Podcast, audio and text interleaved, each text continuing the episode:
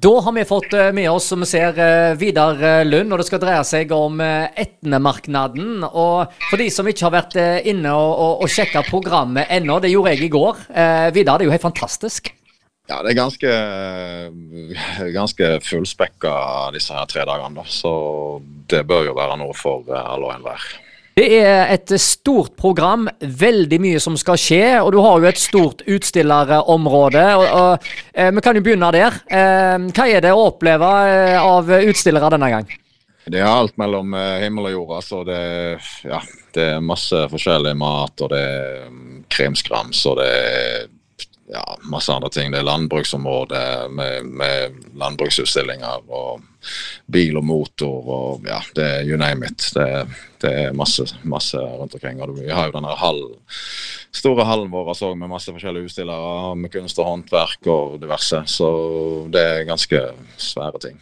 Så her er det bare til å komme både store og små eh, og eh, komme og kikke. For eh, her skal det bli en del overraskelser. Det blir liksom sånn når du reiser til Syden, liksom. Da, da skal vi på markeder.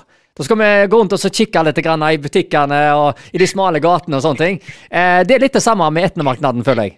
Ja da, du kan jo for så vidt si det. altså. det altså et, et sånt marked er jo ikke noe som du finner til, til hverdags når du, når du går rundt i Haraldsgata eller andre shoppinggata for den saks skyld. Så det, det, er jo noe helt eget. Eh, du har jo vanligvis en eh, politisk debatt, og nå så det er duka for eh, lokalvalg, så må jo det jo bli spennende? Søndagen der så har vi jo eh, debatt i kinosalen med en del eh, kanoner. Og Knut Netland som eh, debattleder. Så det er jo et kjent og kjært innslag, og regner med at, at det blir like godt besøk som før. Mm. Hvordan er det med litt underholdning eh, underveis? Hva vil du trekke fram? Ja, altså vi har jo toppa dette her med altså, Spesielt for barn. da Vi prøver å fokusere på, på barnefamilier, så at det er masse som skjer for de.